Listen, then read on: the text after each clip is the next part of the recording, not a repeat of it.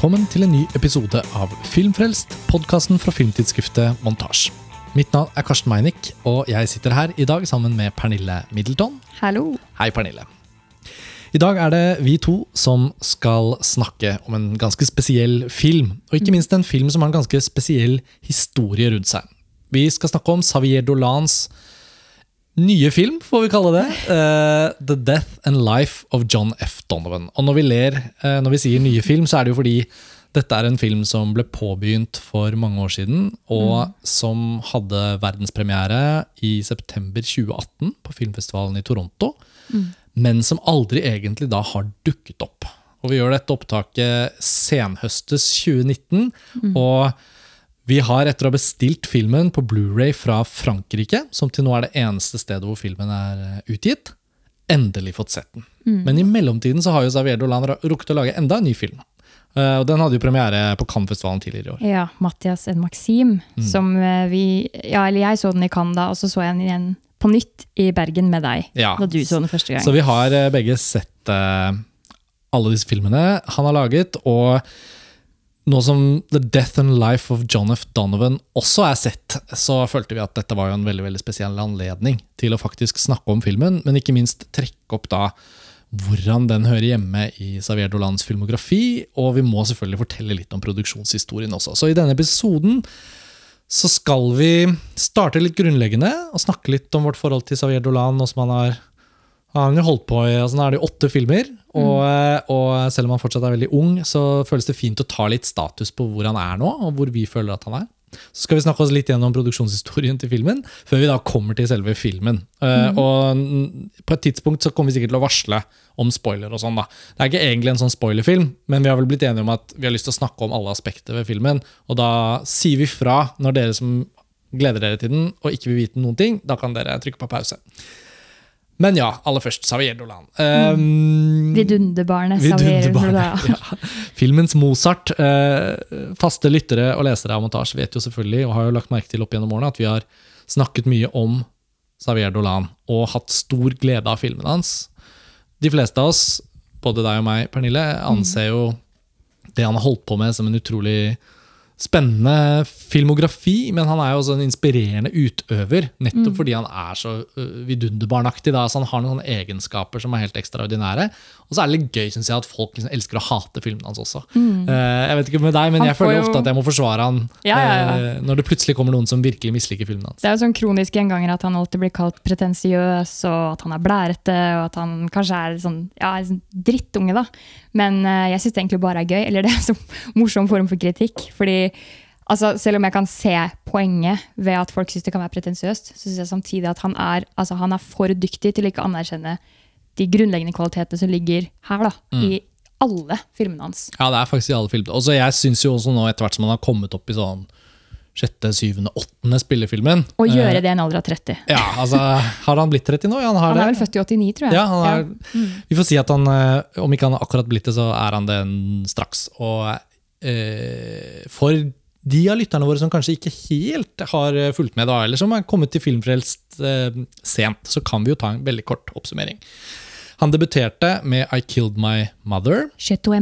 Ja, og uh, Xavier Dolan er jo da uh, fra Montreal. Han er fransk-canadisk, og filmene hans uh, Flesteparten da utspiller seg på fransk-canadisk med litt sånn slang, engelsk slang blandet inn.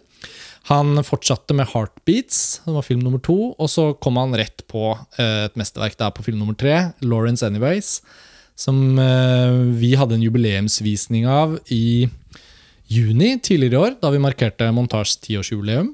Og en av verdens beste filmer sånn, for helt, øvrig. Ja, altså Den er helt, helt, enestående, og jeg har sett den så mange ganger opp gjennom årene siden den hadde premiere i 2012, og føler liksom bare at den står seg. og jeg elsker å anbefale den til noen. Hvis jeg skjønner at noen ikke har sett Lawrence Anyway, så er det jo ingenting som er så gøy som å bare friste dem og få dem til å se det, og så ta imot reaksjonen etterpå. Det slår nesten aldri feil. Mm. Han fulgte opp med Tom at the Farm etter den. Ikke like god? Nei, det er vel kanskje den Jeg har vel noe interessant jeg synes det er noe interessant og noe bra med alle filmene han har laget. Og så kan man si hvilke har man mer eller mindre et nært forhold til. Mm. det er kanskje Farm. den ene filmen jeg ikke har sånn gjensynstrang til. da. Nei, kanskje. Men jeg er helt sikker på at det ville vært masse der hvis man tok, eh, tok det gjensynet. Og så kom jo Mammi, Som på sett og vis ble gjennombruddet hans, egentlig. Man skulle tro at det skjedde med Lawrence anyways, men med Mami så var han da i hovedkonkurransen i Cannes, fikk pris av juryen. Eh, ikke Gullpalmen, men eh, Og dette var også en film som, som jo nådde veldig ut. Eh, gjorde det veldig bra på kino mange steder. Slo veldig bra an i Norge. Og så på det tidspunktet er han jo da egentlig i gang med The Death and Life of John F. Donovan sånn på manusstadiet. Og sånt. Og så klarer han likevel da å holde koken og produsere enda en ny film. Eh, hva er den franske tittelen, da? Har du den i, på tunga? På It's Only The End of the World? Nei, Juste la fin du le monde, eller et eller Ja, annet sånt. ja. Nei, den har jeg ikke. Som da blir hans sjette spillefilm. Og hans mest stjernespekkede Nettopp. så langt. Og den fikk ganske hard medfart, øh, og den hadde jo premiere i Cannes 2016. Øh, Da var jeg hjemme, for da fikk jeg mitt første barn. Øh, Den legendariske årgangen, som vi har referert til utrolig mange ganger på Filmfrelst. Det er nesten kjedelig å si det en gang til. Eh, Da jeg endelig så den, så syns jeg jo at bussen hadde vært altfor hard. Jeg syns det var en nydelig film. Jeg jeg likte den også veldig godt. Og så har han da vært i produksjon på den Death and Life of John F. Donovan. da. Og, og før vi da hadde anledning til å se denne filmen, så rakk han å lage Mathias og Maxim, som ble kjempegodt mottatt. I hvert fall sånn fra oss i montasje. Altså, Ja. Lars Ole, vår gode kollega, som ikke har anledning til å være med på denne episoden, han eh, har skrevet en tekst om Mathias og Maxim som vi har ute på montasje. Som er eh, en veldig fin gjennomgang av filmen. Jeg så den i eh, Bergen og, og ble veldig grepet. Eh, Den har nå akkurat fått norsk eh, distribusjon, faktisk. Den hadde ikke det i høst da vi så den på Biff. Den er blitt kjøpt opp av Another World Entertainment, som også distribuerte Mami. da. Jeg er veldig veldig glad for det. Altså, per nå så er vel den min nummer to av hans filmografi. Den ligger såpass høyt hos Ja, meg. Ja. Men det, og den skal vi jo snakke mer om etter hvert som den Ja. nærmer seg norgespremiere. Så liksom Bare å glede seg. i, ja, og den, det er ikke usannsynlig at den kanskje kommer til Tromsø og sånn. Så der, der får vi jo flere anledninger til å snakke om det. Og så er det dette merkelige stebarnet, da. The Death and Life of John F. Donovan. Og jeg synes det er så gøy å si den tittelen, for den er litt sånn kronglete og vanskelig. Ja. Man skulle tro at den heter The Life and Death of John F. Donovan. Den ber litt om liksom å bli glemt, Ja. omtrent. så ja. Og vi får liksom tegne opp litt eh, Jeg så tilbake i montasjearkivet, for vi har skrevet en del nyheter om, om Saver Dolan opp gjennom årene. Og jeg så i dag at vi rapporterte om denne filmen første gang i 2014, i september. Da ble det offentliggjort at Jessica Chastain skulle spille i Xavier Dolans engelskspråklige debut. Og Jessica Chastain satt jo i juryen i Cannes da Dolan var der med Mommy. Og da proklamerte hun på Twitter at eh, eh, liksom, hun vil jobbe med Xavier Dolan. Mulig kanskje hun ikke var i eller kanskje hun ikke var i juryen, men hun var i hvert fall i Cannes med en film. og plutselig ble jeg litt usikker. Men uansett, så hun Kan det ha vært A Most Violent Year? Var den der? ja, Nå ble jeg usikker, men hun var i hvert fall i Cannes, og hun så filmen, og hun, hun bare sa det høyt på en måte på Twitter. Og det var liksom gøy å observere at liksom disse to menneskene ble kjent med hverandre. Og, og så fikk hun da denne rollen. Hun var den første som ble puttet i filmen. Og så, etter hvert, i desember 2014 så kom nyheten om at Kathy Bates og Susan Sarandon og da Kit Harrington, eller John Snow som vi liker å kalle han, uh, hadde fått hovedrollen. på en måte. Så da, da Julene var jo i gang. Da husker jeg også den følelsen at ok, engelskspråklig, liksom, hva, hva er det det skal handle om, osv. Og alle barna gleder seg. Ja. Og så tok det oss fem år da, fra den første bussen om at den filmen var på vei, til den faktisk eh, var mulig å se. Um, og ja, Vi trenger ikke ta alt kronologisk, da, men i 2018 så var jo filmen ferdig. Og I noen intervjuer så har Dolan hevdet at han trakk den fra Cannes-festivalen. Ja, for Han ble jo invitert, Ja, men han så- har jo også uttalt at han ikke var fornøyd med den. Nettopp, og Han har også sagt at han, han har klippet de fleste av filmene sine selv. Og som, som, en, som et vidunderbarn kan si, så sier han jo da sånn «Uh, Jeg pleier bare å bruke et par måneder på å klippe en film, liksom, men nå har jeg sittet der og klippet på denne filmen i to år. Og det første for mange litt sånn illevarslende fra etterarbeidet var jo da han liksom, også veldig pretensiøst da, sendte ut liksom en beskjed til verden om at nå har det sørgelige skjedd, jeg er veldig lei meg for dette.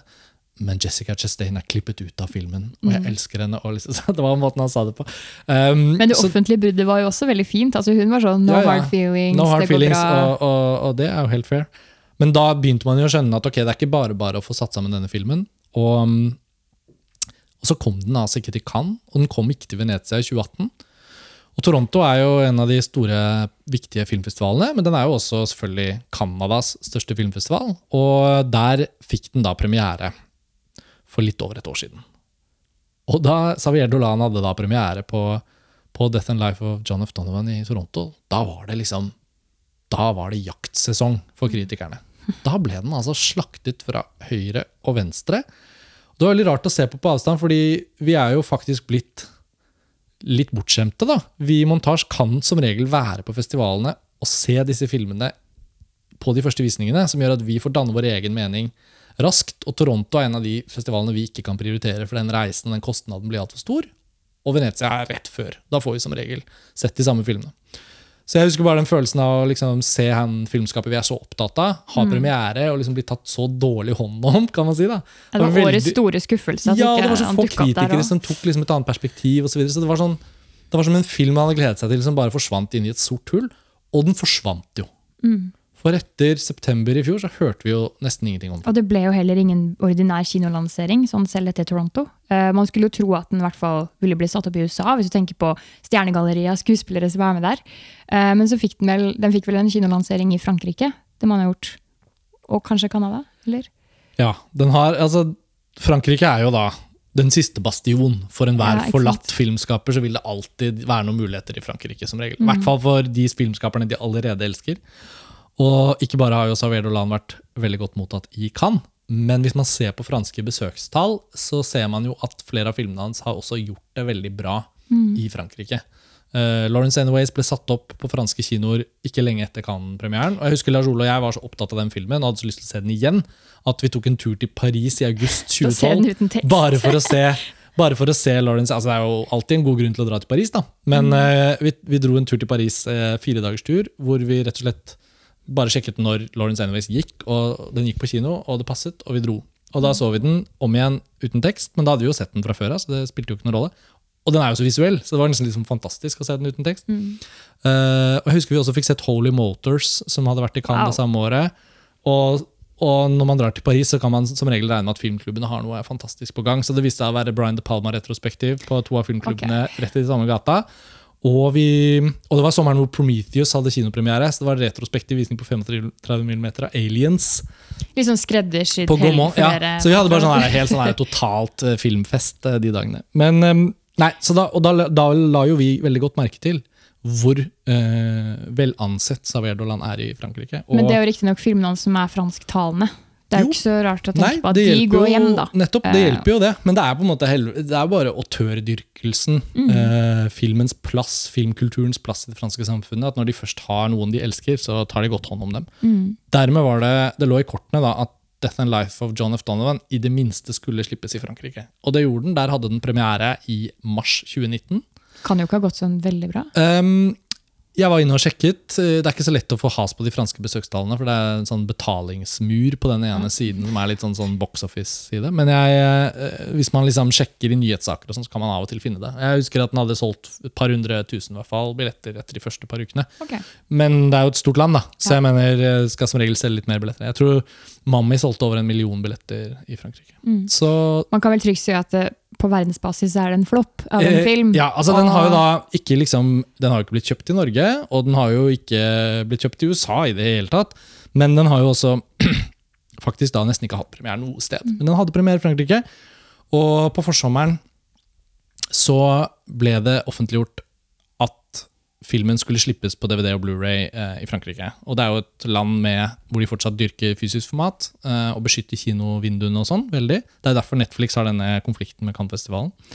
Um, så da la jeg inn en forhåndsbestilling på amazon.fr. Eh, og da ventet vi på, på Blu-ray-utgivelsen av Death and Life of John F. Donovan i juli.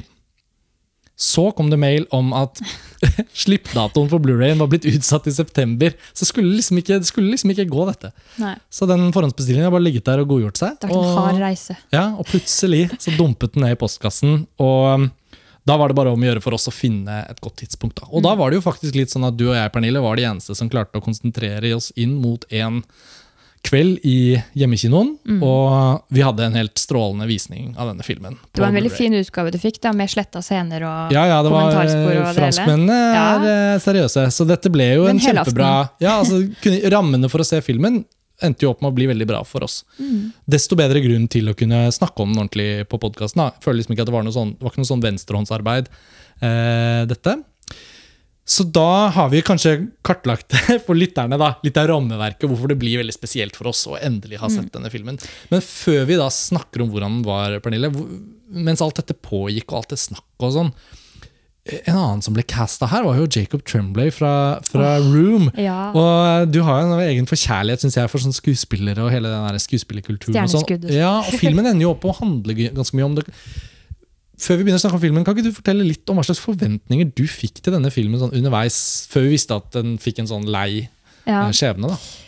Nei, det var jo åh, Det har vært så mye blanda følelser det siste året, egentlig, fram til jeg fikk sett den. Um, i, utgangspunktet så gleder man seg fordi det er en ny film fra Savedola.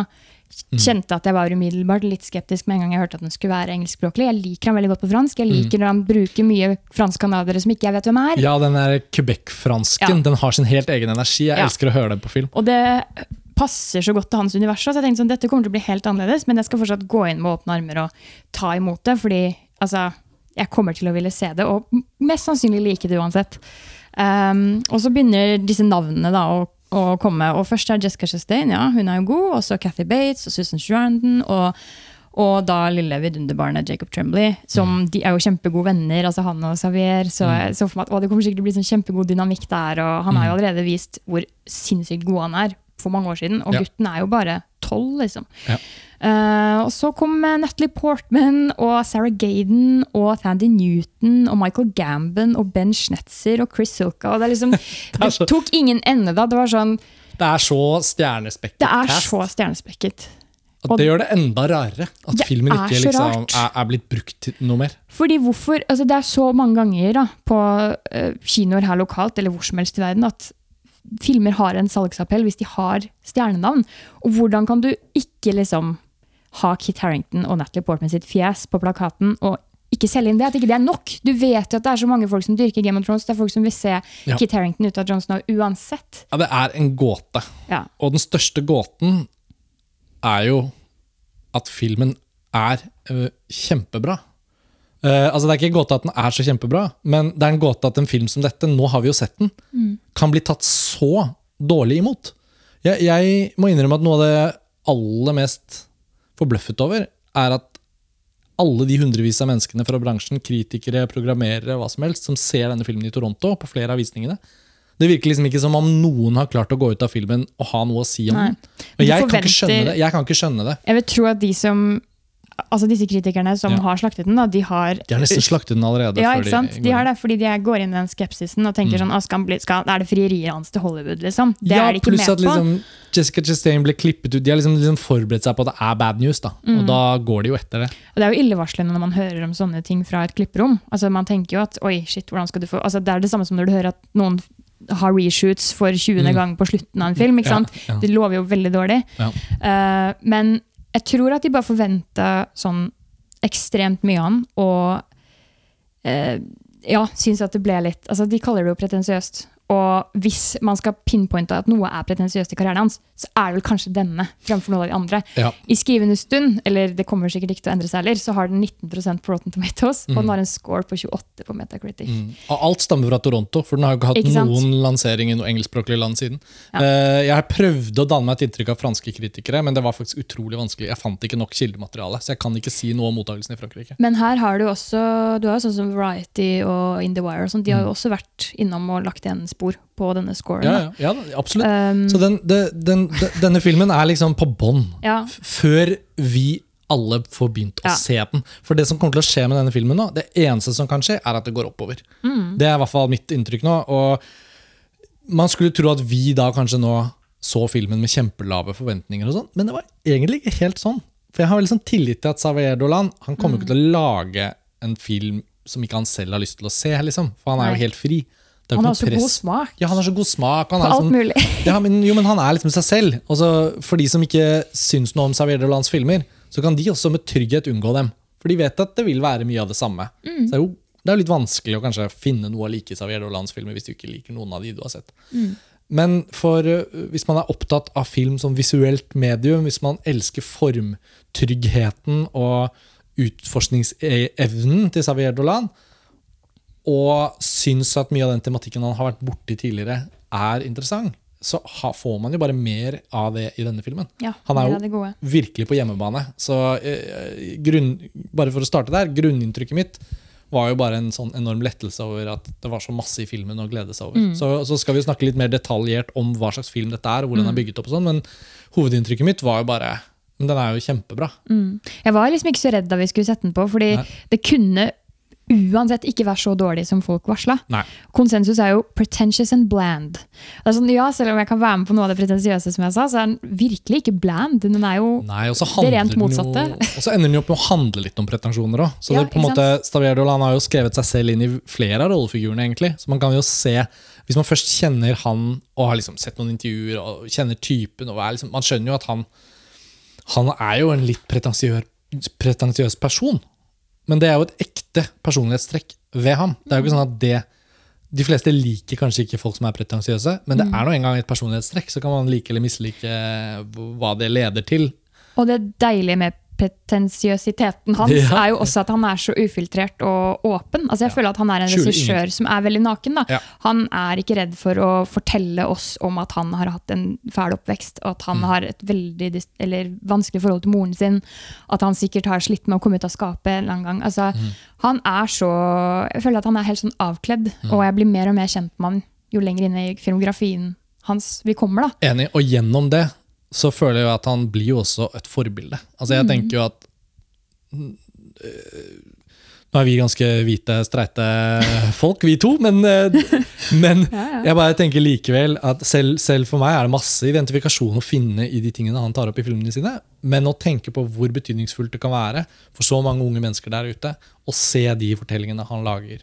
Altså han, han behandler jo en skikkelig tematikk hver gang. Og det syns jeg har blitt så undervurdert og lite snakket om. Da. Jeg synes det er eh, leit å se at mange kritikere i mange land, og norske kritikere, innimellom ikke har evnet å se hvor verdifullt på en måte stoff han snakker om i filmene sine. Selv de filmene som kanskje ikke er toppkarakterer. så er det, sånn, det er jo virkelig liksom Bare ta den der It's Only The End of the World, da. Som jo fikk litt sånn medium mm, respons. Det er jo en film som handler om handler om døden, den handler om utenforskap, den handler om familie. Den, altså bare, Oppvekst, brette, ja. ja, du kan bare brette opp det ene etter det andre. Det er så rikholdige filmer. Men den er formidlet på en sånn slitsom, fransk, kranglete det, det er det. Det er, som å, det er som å Eh. være i en familiekrangel hvor du bare helst ikke skulle vært der. Og det er jo klart, det er jo Men det er jo ikke det som gjør det ekte òg, da. ja, ja, ja, Og så er ikke det det alle drømmer om når de skal gå på Gimli i romjulen og kose Nei. seg. Liksom, sånn, så er det sånn, ok, men Kanskje man burde valgt en annen film, da. Men det er jo ikke sånn at man koser seg så fryktelig på de rumenske mesterverkene heller. Det er jo alltid noe sånn at man må Hvis man skal ha tran, så må man eh, ta det litt sånn som det er. Ja. Uansett, Poenget mitt var at denne filmen også handler om så mye forskjellig. Eh, Mm. og nå får vi vel begynne å snakke litt konkret om den. Jeg tenker til lytterne, det, jeg tror ikke dere løper noen stor risiko ved å høre videre på podkasten før dere har sett filmen. Um, men for de av dere som er litt sånn die hard på det, og ønsker å dere er glad i Xavier Dolan, dere ønsker å se denne filmen mest Og dere skal bestille den på Blu-ray fra Frankrike. Og dere skal kjøpe den på Dere skal kjøpe Blu-rayen fra Amazon.fr. Det er klart, da, da trykker dere på pause nå, så kan Ja. dere høre oss snakke når dere har sett filmen selv. Men eh, nei, men jeg tror det går an å snakke om denne filmen. Jeg tror ikke det å høre oss snakke om den vil ødelegge den opplevelsen man har. Ok, kort fortalt, hva er da plottet her? Hva er liksom utgangspunktet for fortellingen, Pernille?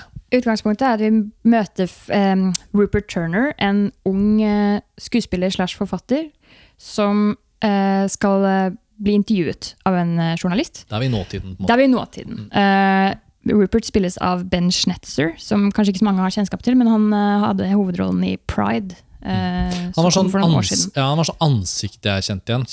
Men jeg ville ikke, flink fyr, vil ikke kunne ut navnet hans. Jeg får lære det nå. Mm. Uh, Ben Schnetzer. og, og nåtidsplanet i fortellingen er vel noe 2017? Ja, rundt cirka. der. Xavier gjorde opptakene til filmen fra høsten 2016 og på våren 2017. Så det er sånn omtrent da filmen Ja. ble til. Han skal da bli intervjuet av Fandy Newton, som er journalisten. Eh, og hun intervjuer han eh, i forbindelse med en boklansering han gjør, som handler om hans oppvekst og en spesiell hendelse eh, som startet Jeg vet ikke når det startet, men da han var veldig ung, så begynte han å sende brev til sitt store idol.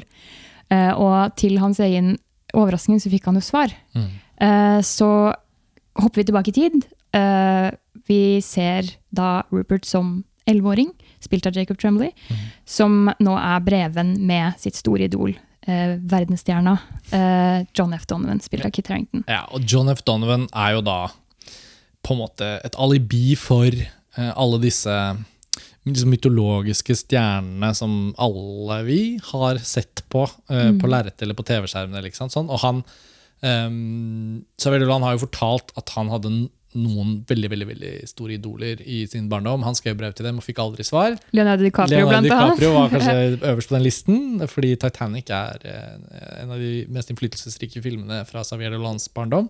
Men han skrev også brev til Céline Dion. og liksom, ikke sant? Man kan jo bare se for seg. Hvis man har sett filmene til Xavier Dolan, så kan man regne seg ut omtrent hvilke idoler han skrev til. Um, det er veldig meta og rørende at han da fikk castet Cathy Bates i denne filmen. I og med at hun også er Ja, en sånn så sentral figur i Titanic. Men, Så det er litt sånn, eh, litt sånn inspirert fra i hvert fall følelser og tanker som Dolan har hatt. da. Men, eh, nei, men så Rupert han, Ja. han uh, har jo denne brevvekslingen med John F. Donovan. Mm. Og det er jo da man på en måte kommer inn i enda flere tidsplan i flashbacket. Ja. Fordi vi også får se John F. Donovans liv Mm. uh, utspille seg på, sin e på sitt eget liksom, handlingsplan. Altså, det er ganske mange forskjellige Ja. tidsplan. Det er kanskje der det blir litt uh, rotete, Ja, syns jeg. Ja, det er sånn Men, eh, komplekst og veldig ambisiøst. Ja, Fordi det ønsker er jo si. Rupert sin fortelling. Det er jo han som forteller tilbake. Så jeg ble jo faktisk litt overraska over hvor mye vi er i John F. Donovan sitt liv. Sånn uavhengig av hva han kanskje sier til Rupert, og hva han vet. Ja. Fordi um, dette brevvennforholdet blir jo Det eskalerer jo såpass mye at de blir jo veldig gode venner.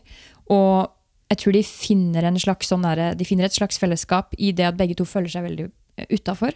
Rupert er jo ikke så veldig populær på skolen. Han blir jo mobbet for å være homofil da han er 11. eh, fordi at han er så selvsikker og vet at han vil bli skuespiller. Og, Har en utadvendt personlighet. ja, og ingen tror på han når han sier at han snakker med idolet sitt. fordi Det er så Hvorfor, ja, hvorfor skulle det skjedd, liksom? Eh, og John F. Donovan er jo også på, på utsiden i sitt miljø, selv om han er elsket og hyllet og har et enormt nettverk, så er han jo fortsatt så vil han jo vekk fra alt det han. Han er jo bare et menneske i bunn og grunn, og er i skapet, da. Ja, og Det blir jo en veldig sentral tematikk i filmen, Mm. fordi vi tilbringer såpass mye tid i John F. Donovans eget narrativ. på en måte. Kanskje det mest forutsigbare med filmen, sin er Xavier Dolan som Ja, lager jo, jo, selvfølgelig. Han, er, han vender jo tilbake til den tematikken fordi det er noe han vet noe om, og han forteller om det. Eh, sikkert litt av sine egne opplevelser, men jeg tror også at Xavier Dolan er veldig opptatt av å liksom eh, veve inn en, mye mer enn bare å være inspirert fra sitt eget liv. Men han tar liksom utgangspunkt i ting han kjenner til, og han uh, brenner jo for å se på Han, ha, ha- han har jo en evne til å forfatte de der litt sånn larger than life-menneskene. Uh, ta, ta Lawrence Anyways òg, da. ikke sant? Hvor, hvor den samme, det samme fortellergrepet er brukt i manuset. Uh, Lawrence eh, skal gjøre et intervju med en journalist, eh, og hun, hun spør Han er jo forfatter, og hun spør om hva det var som sant, hvem, var det, hvem er disse figurene i boka di? Og så får vi gjenfortalt historien eh, om eh, Lawrence og hans store kjærlighet. Og det er jo gjennom på en måte Dolan har liksom sånn Han, har så, han elsker karakterene sine, Mm.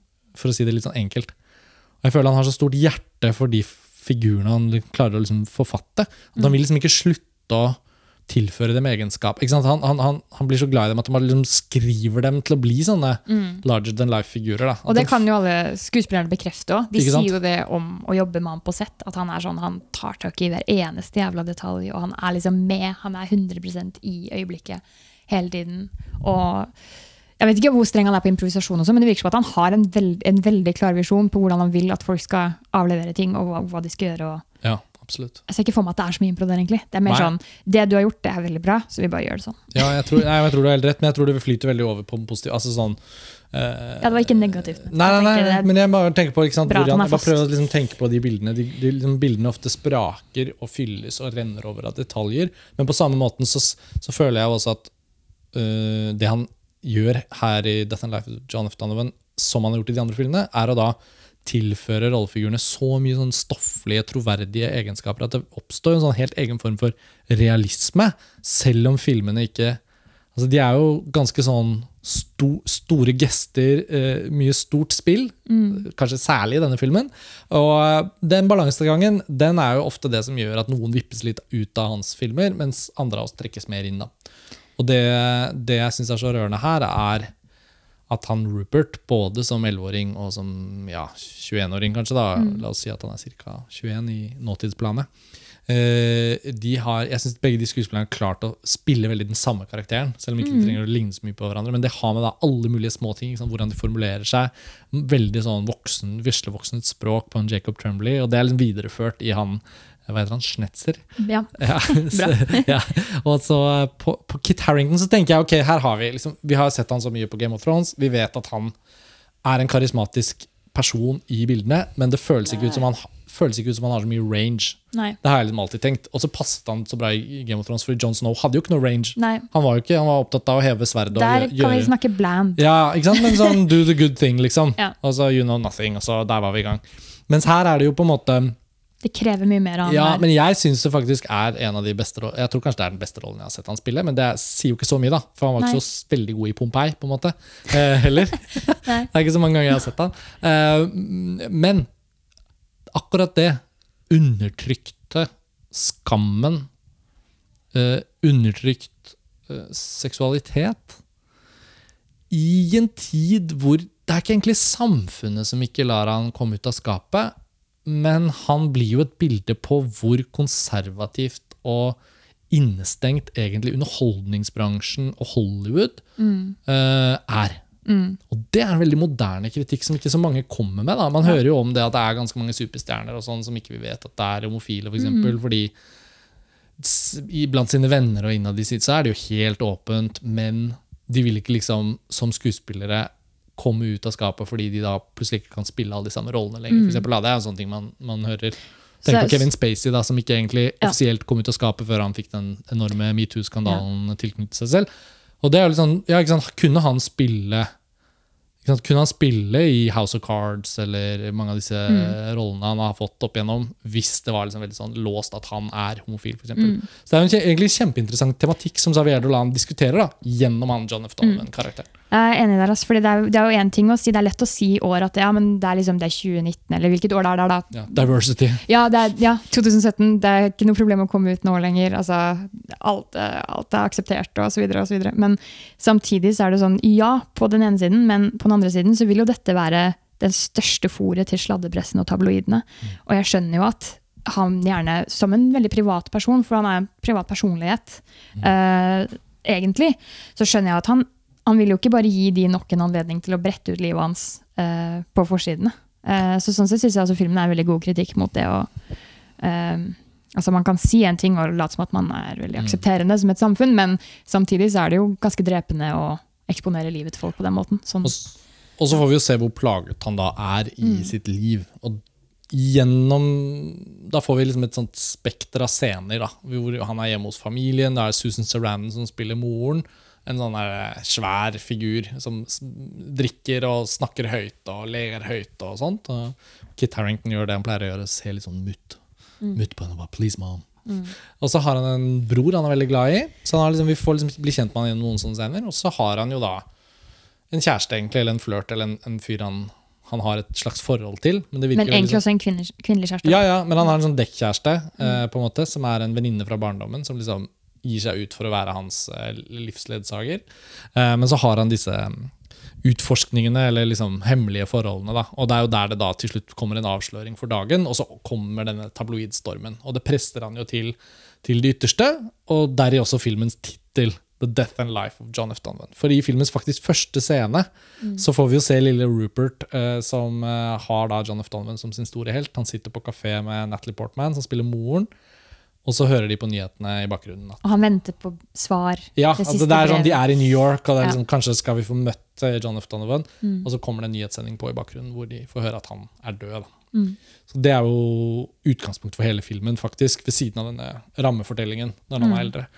Så dermed er det jo, det ligger jo i hele filmen at John F. Donovans skjebne er tragisk. Mm. Um, Og han dør vel også, altså når Rupert er liten, da er vi i ca. 2007, så det er sånn rett rundt da Heath Ledger døde og Mm. Ja, ja, ble funnet litt på på- samme måte. ja, og Heath Ledgers historie var jo ikke overlappende med noe av det som, for, i hvert fall som jeg vet, som foregår i denne filmen.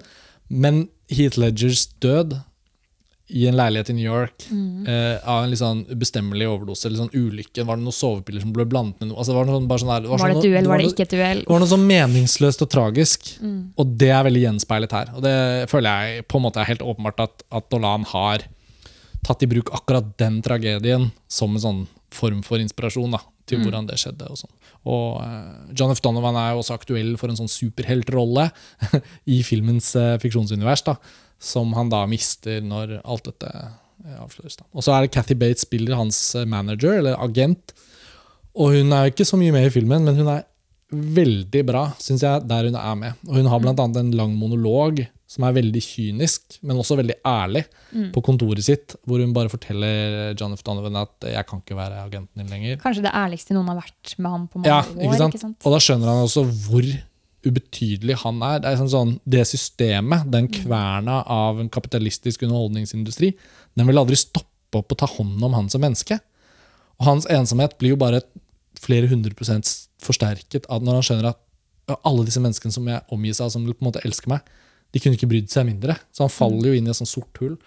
Um, og alt dette syns jeg Saverio Dolan skildrer på en sånn utrolig sånn hudløs og sterk måte. Jeg synes det, er, det er ikke noe vi har sett behandlet på film, utrolig nok, da. I noen særlig grad.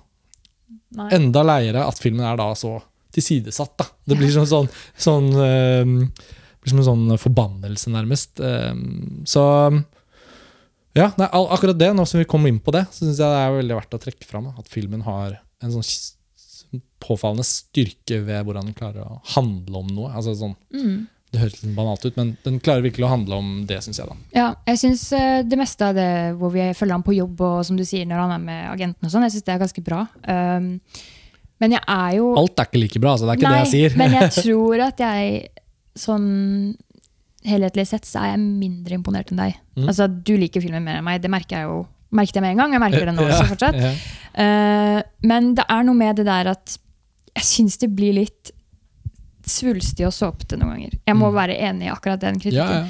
Men Fordi- hvor, hvor, altså, fordi jeg er ikke, jeg er ikke helt uenig, jeg heller. Det Nei. er bare det jeg tror at filmen styrker og overskygger veldig de svakhetene som er. da. Men det er jo fint å få snakket litt om og beskrevet for lytterne Mm. hvilke da ting som filmen hvor Når den plumper litt i, Ja. i myra, liksom? Fordi Dolan er jo ikke fremmed for å være litt svulstig, og jeg har tidligere ikke hatt noe problem med det. Altså jo, Det er jo sånn over the top acting, som du sier, og det er liksom Mm. Overdrevne kostymer, og altså, hvordan disse middelaldrende kvinnene ser ut. Bare kostymet deres i seg selv er jo veldig svulstig. Um, men det er jo sånn fortellerstil som jeg er vant til og har akseptert fullt ut i de franske filmene. Jeg syns det blir annerledes når det er eh, i en slags Hollywoodisert maskin. Mm. Det må jeg bare si. ass. Um, han er jo veldig flink til å skildre turbulente familieforhold, da spesielt mor og sønn. Uh, jeg syns kanskje at eh, forholdet mellom Kit Harington og Susan Sarandon til tider så bikker det over å bli altså, hakket for såpete for min del. Til at jeg, Istedenfor at jeg sitter og liksom blir litt sånn Uff, at jeg syns det gjør vondt, så er det nesten så jeg ler litt. Altså, jeg, Og da blir det plutselig problematisk. Da har det allerede vippa av Ja, litt. det er Litt sånn Days of Our Lives-faktor, Ja, og det, det- det- er jeg ikke glad for det. det er ganske få scener i filmen med Susan Sarandon. Uh, jeg likte ingen av dem. Nei, ikke sant? Eh, så jeg syns den med badekaret er helt ok, men nå Ja. tenker jeg først og fremst på den introduksjonsscenen, en middag hvor hun blir Ja, full. Det, er- synes jeg var bare det sånn den, det var den, Men det, det er et stykke ut i filmen, eller et lite stykke ut i filmen, og det var den første scenen i filmen hvor jeg på en måte kom litt på utsiden og var sånn Nå ble det litt mye. Mm. Um, jeg, er ikke, jeg er ikke sikker på om jeg ville likt den så mye bedre bare fordi den var på fransk. Jeg følte, at, eh, jeg følte bare at det var en sånn typisk sånn Dolan-scene hvor det meste ligger til rette for å være veldig bra, Mm. men det på en eller annen måte Det er som om den blir litt for umusikalsk. Hvis han skal dra det så langt, så må han bygge det mer opp. Ikke sant? Kanskje dette har vært en film som, som egentlig altså Han sa at en av versjonene som egentlig var litt sånn ferdigklippet, var liksom fire timer. Eh, og Ja. man kan merke at liksom det tidvis er tatt ting ut. Sannsynligvis det å ta Jessica Chastain helt ut var sikkert helt riktig. Hun spilte en sånn tabloidredaktør, visstnok, eh, f- for en av disse avisene som da er på, på jakt etter han, da, når de har liksom outet han. Mens eksempel Susan Sarandon og de familiescenene de føles liksom som om vi burde jo vært der mye lenger Ja. og blitt bedre kjent med henne. Og så kan de utbruddene og de der ekstravagante tingene komme. Det er som, å liksom, det er som om hun liksom har drukket seg full allerede idet vi møter henne, mer enn at vi får være med på å se at hun går Mm. Ja. til flaska. da. Ja, og og så ser at, vi hvor det går, og vi vet Ja. at det kommer til å gå et glass i veggen. Og, eller neve i veggen denne gangen. da. Men det andre mor-sønn-forholdet i filmen syns jeg er ganske mye bedre. Jacob og Natalie. Ja. Rupert og Sam. For vi liksom, for å trekke publikum inn i det, lytterne våre inn i det, så er det jo da et handlingsplan med Rupert som 11, eh, som ikke er det samme som er helt i åpningen, for da er han og Natalie Portman i New York når de får høre at John F. Donovan er død. Men mesteparten av filmen så er de i London. Og hun har tatt med han, De er jo amerikanere, men har tatt han med til London.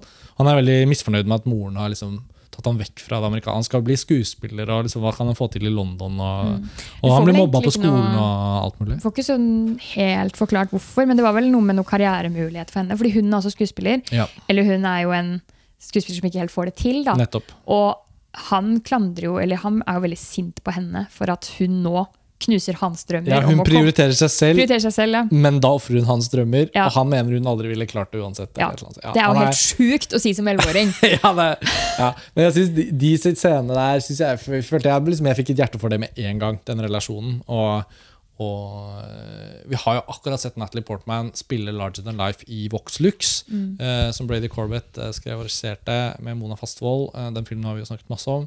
Eh, jeg syns det er umulig å ikke knytte de, de to filmene her litt sammen. da. Eh, selv om Vox Lux handler om en popartist, og den er en fabel, og den har sånn mytologi og sånne ting som, som ikke er med i, i John F. Donovan.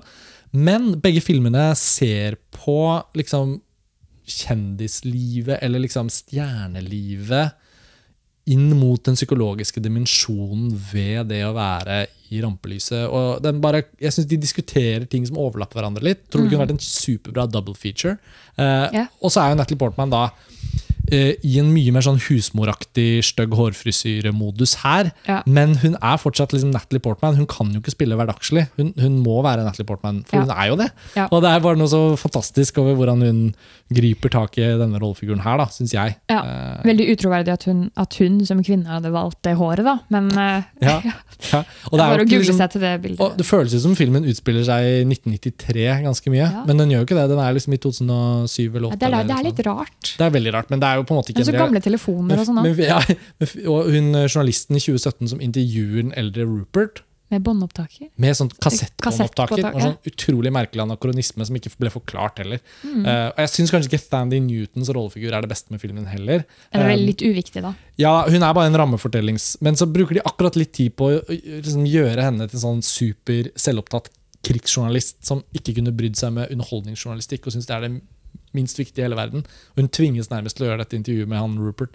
Um, og Det føles sånn, sånn det var sånn helt unødvendig. da. Se på din egen film, da, Lawrence Anyways. Hun journalisten som er i rammefortellingen der. Vi, vi lærer jo ingenting om henne. Vi trenger det, Trenger det ikke. ikke. Det har jo ingenting Nei. å si. Hun er en journalist, og måten hun spør på og hvordan hun vinkler spørsmålene sine, er mer enn nok til at vi forstår hvor hun ligger. Det virker som er at Xavier liksom- er veldig opptatt av, generelt opptatt av det her salte forholdet mellom intervjuobjekt og intervjuer. Kanskje Ja, og- han har hatt en del kinkige situasjoner Ja. med journalister selv. Ja, ja, han, er jo, han er jo så ung, som vi alltid sier, men han har jo tydeligvis rukket å erfare ganske mye forskjellig. da. Mm. Nå skal si sies at Xavier Dolan var jo også barneskuespiller og barnestjerne selv. Mm. Så det er jo en annen erfaring han har eh, forfattet inn i filmen. Og ved siden av å være filmskaper og skuespiller i sine egne filmer, så er jo også Xavier Dolan en av, Canada, av franskspråklige Canadas mest brukte dubbere. Ja. Så Xavier Dolan han er liksom typ sånn der stemmen til Mowgli i jungel, Jungelboken, eller liksom en eller annen dødsviktig stemme i Toy Story. eller sånn. Han har liksom dubbet sykt mye. Eh, Det er gøy. Og det- ja, det er bare sånn morsom dimensjon. Morsom ting å vite om han. Um, ja, nei, så Nå har vi snakket mye om tematikk og skuespillerne og som skjer i filmen. Og sånn Og jeg føler vi, vi, vi må jo også fortelle at denne filmen ser helt sånn sinnssykt bra ut. Eh, det har Xavier Dolan selvfølgelig gjort før i andre filmer. De ser jo ofte veldig bra ut. Men nok en gang er det altså skutt på film. Det er montasjesekvenser, det er nattklubbsekvenser. Ja, altså faste fotografen. Det er nattklubbsekvenser, det er masse fet bruk av musikk. Det er alt det man håper at Dolan skal liksom by på. Det byr han på. Ja. Akkurat som i de andre filmene. Så det er jo som å være på, på konsert med en artist du elsker også. Ja. Det må vi ikke glemme. Liksom, ja, altså Historien og, og leve seg inn i tematikken. og sånn. Men noen ganger, hvis man liker Xavier Dolan, så har man også bare lyst til å gå inn og få to timer med bare sånn høyt volum og bilder. Og det får man her. da. Ja, for det, det, var det jeg også satt og det egentlig det jeg tenkte umiddelbart etter jeg hadde sett filmen. sånn Takk og lov at disse tingene fortsatt er på plass.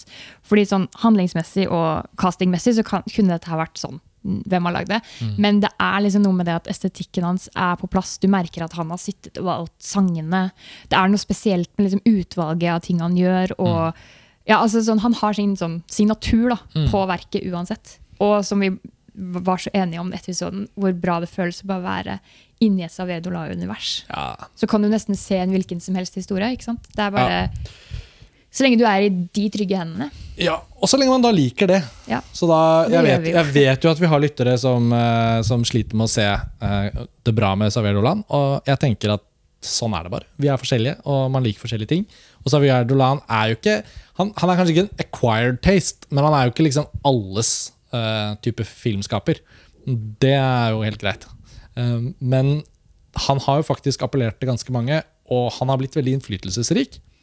Det vet jeg vi har snakket om litt tidligere, men jeg kan nevne det igjen. Det har jo vært veldig gøy å se at mange unge filmskapere, både i Norge og ute på festivaler og sånn, har, det har begynt å komme mye film som helt åpenbart eh, har blitt inspirert av Savierdo. Og det syns jeg er veldig rørende, da, siden han selv er så ung fortsatt. Eh, Men det har, noe, det liksom, har jo med kraften hans å gjøre. Det der Mozart-aktige vidunderbarn-talentet som vi sa innledningsvis. Han har en helt egen evne til å uttrykke seg filmatisk. Og det er liksom hans språk, det er film. Det er det han gjør. Og han, og han setter musikk, bilder, fortellinger, skuespill. Han setter alt sammen, sånn som de beste filmskaperne gjør. Og jeg syns bare det er så fett at han har laget alle disse åtte filmene og fått til så mye. Og i tillegg Og er bruker seg selv så mye òg. Han spiller jo hovedrolle i hvert fall tre av filmene. Ja, og Fire. Mathias og Maxim, jo- som vi da eh, bestemte oss litt for å ikke snakke for mye om i denne podkasten, fordi den skal få sin eget fokus etter hvert som den blir tilgjengelig på norske festivaler og, og på kino. Men jeg syns Xavier Dolan faktisk ender opp med å gjøre sin beste rolle som skuespiller eh, i denne filmen. Mm. Det synes jeg var veldig kul. Han er jo imponerende på en måte i I Killed My Mother fordi han debuterer og er så ung. Men har ikke du sett It Chapter 2, har du det? Jeg har ikke sett It Chapter 2, og jeg vet at han har en Er ikke en slags cameo? Han er med i anslaget. Ja, Egentlig ganske viktig scene, da. Ja, jeg har skjønt det, og han har vært veldig fornøyd med det selv. Han har jo Ja. postet veldig mye om den filmen i sosiale medier. og sånn. Ja, Det gikk opp en hel stjerne, den filmen. Ja, ja, det er bra. Jeg, eh, grunnen til at jeg ikke har sett It Chapter 2, er jo at jeg ikke har sett It Chapter 1. Så jeg, på en måte, jeg, har kjøpt- ja, jeg har anskaffet den første på Blue, og eh, en eller annen gang når jeg blir gammel, så skal jeg se den. Nei da. Det blir, det blir med en gang, men det er jo ikke så viktig for meg med disse horrorfilmene som kommer og går. Hvis ikke det er noe annet ved det. Og det er jo ingen det er jo ingen eh, Andres Muschetti-fans som har kommet med høygaflene utenfor huset mitt og sagt Hva? Ser du ikke Ser du ikke de nye filmene til Andres Muschetti, eller hva han heter? Du trenger ikke å se den heller, da, men det er gøy å se de første ti minuttene. hvert. Jeg er nysgjerrig, Det er en sterk scene. Det, Ja, og så er det jo popkulturelt viktig. da Dette er jo horror som har blitt skikkelig mainstream, super blockbuster. Så det er klart jeg skal se, men jeg vet ikke når det blir. Kanskje det blir på en sånn eh, lang, lang flygning et eller annet sted. For det horrorfilm på fly føler jeg liksom det går. Da kan man bare ta av hodetelefonen, og så er det liksom greit. Um, Nei, men for å oppsummere litt, uh, Pernille. Vi sier jo alltid uh, hvis det bare er to på podkasten, og hvis man ikke er um, hvis man ikke liksom har muligheten til å gå sånn superdypt inn i noe, så tenker man at det blir en noenlunde kort episode. Men dette har jo blitt en litt lang episode likevel. Eh, vi har snakket i over tre kvarter. Så vi får liksom oppsummere Jeg tenker vi får oppsummere litt i lys av da dette med den filmens tilgjengelighet. For nå, nå har vi jo sagt tydelig fra at det er en bra film. Den har sine svakheter, men den er jo ikke noen skamplett på Xavier Dolans karriere. Og jeg tror den kommer til å bli sikkert mer og mer interessant også, etter hvert som han fortsetter å lage andre filmer, og den blir stående som en litt sånn eh, en liten sånn hendelse i filmografien hans. Men, men hvordan skal da folk se denne filmen? da? Hva, hva blir dens skjebne, tror du? Nei, jeg vet ikke. Er det noen som hører på som har mulighet til å ta noe ansvar? Jeg vet ikke. Men Ja. jeg tenker at sånn, hvis du Hvis du har så mange man- stjerner.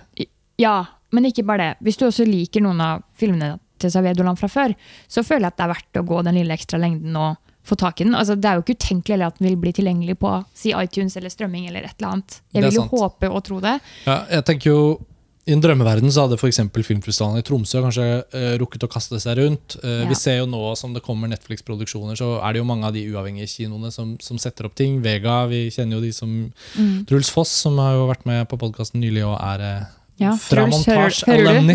Eh, jeg, jeg vet jo Truls har veldig lyst til å se den og er interessert. Og det vil jo Det vil jo Det må jo bli til at den blir vist. Til slutt. Ja. Så det, det føler jeg meg på en måte betrygget av. Men jeg tenker jo at dette er jo en film som jeg vet ikke, altså hvis man, hvis man er distributør og har mulighet til å sette opp en så kinovennlig film som Visuelt sett så er den jo veldig kinovennlig, og fortellingen er veldig lett å presentere. Og så er det den ene kjente skuespilleren Ja. etter den andre. Det er jo helt Man kan liksom ikke klage. stjernelag. Du får Natalie Portman og Game of Thrones-fans alle som kan kose seg med Kit Ja, Harington. Ja, altså, De er ikke dårlige. Og Susan. Sarandon-fansen får sitt. Gjør de det? Ja, nei, får jeg ikke helt. Altså, jeg hadde en tanke, da. Bare sånn rask side note. Jeg er jo eh, veldig ikke fan av Kate Harrington. Jeg lik, liker han egentlig ikke så veldig godt i den filmen heller. Så jeg hadde en tanke om at kanskje det hadde blitt mye bedre for min del da, hvis det var si mm, Jake Gyllenhaal Gyllenhaal Ja. eller James Franco. Ja, James Franco kunne nok gjort Han en kunne jeg tenkt rolle. meg Mm. som Mm. John F. Donovan. Ja. Nei, det, det, det, hvis man skulle begynt å spekulere i det, så kunne man nok sett at cast Det er ikke sikkert det er det absolutt det eneste casting-oppsettet for dette manuset. Det kunne kanskje gått annerledes. Men, Men bare sånn Xavier Dolan som er så emosjonell av seg. Altså, det, er ikke noe, det er nesten ikke noe følelser å hente ut av det fjeset hans. Jeg blir liksom ikke rørt av det, men Nei. det er meg, nei. da. kanskje det- ja, Jeg syns det var den beste Kit Harington jeg har sett. Da, som jeg nevnte Ja, men igjen, det sier jo litt. Ja, ja, det, ja, ja, det gjør kanskje det. Det gjorde ikke så mye for meg, i hvert fall. Um, da er vi vel i mål, tenker jeg. Dere har jo hørt oss si det, men den er jo da sluppet på Blu-ray i Frankrike. Så for de som er veldig, veldig, veldig interessert, som vi er, så går det an å kjøpe den. Og med frakt så blir det vel like under 200 kroner, sånn som den prisen er nå, i hvert fall. Men den går sikkert ned i pris etter hvert. Den er blitt sluppet på kino i Canada og Russland og Portugal i høst. Det står det på IMDb i hvert fall. Og så har den jo da vært i Frankrike. Men eh, vi går vel inn i 2020 uten at denne filmen er tilgjengelig foreløpig i særlig stor grad. Så det, det blir, for mange blir det sikkert en 2020-film. Og da kommer jo også Mathias og Maxine til å komme på kino. Så Den Xavier er Dolan eh, bare å glede seg til. Ja, og Xavier Dolan er helt sikkert i gang med en ny film. Så det er sikkert ikke så lenge til vi enda en gang kommer til å sitte her og snakke om han. Jeg kan ikke vente og se hva han har i kortene nå framover. Altså, bare for å sitere Fred da, i Lawrence Anyways, the sky's the limit. Sky's the limit! For den fyren her, så er det det. altså. Jeg tror det. Pernille, tusen takk for praten. Det har vært veldig koselig. Til alle dere lyttere der ute, takk for at dere hører på Filmfrelst. Det nærmer seg jo jul, så vi håper dere får tipse liksom Gi da tipset om Filmfrelst i julegave til en venn. Send linken, send iTunes-linken eller send Spotify-linken eller linken til montasje til noen som dere tror vil ha glede av podkasten vår. Dere kan gi oss det i julegave. Jeg synes alltid det er gøy å høre om at vi får nye lyttere. Sånn som vi gjorde nå på Film fra sør, så var det noen som kom bort og sa sånn, begynte å høre på podkasten deres. Det var ikke så verst. Så takk for at dere hører på, og eh, ha det bra.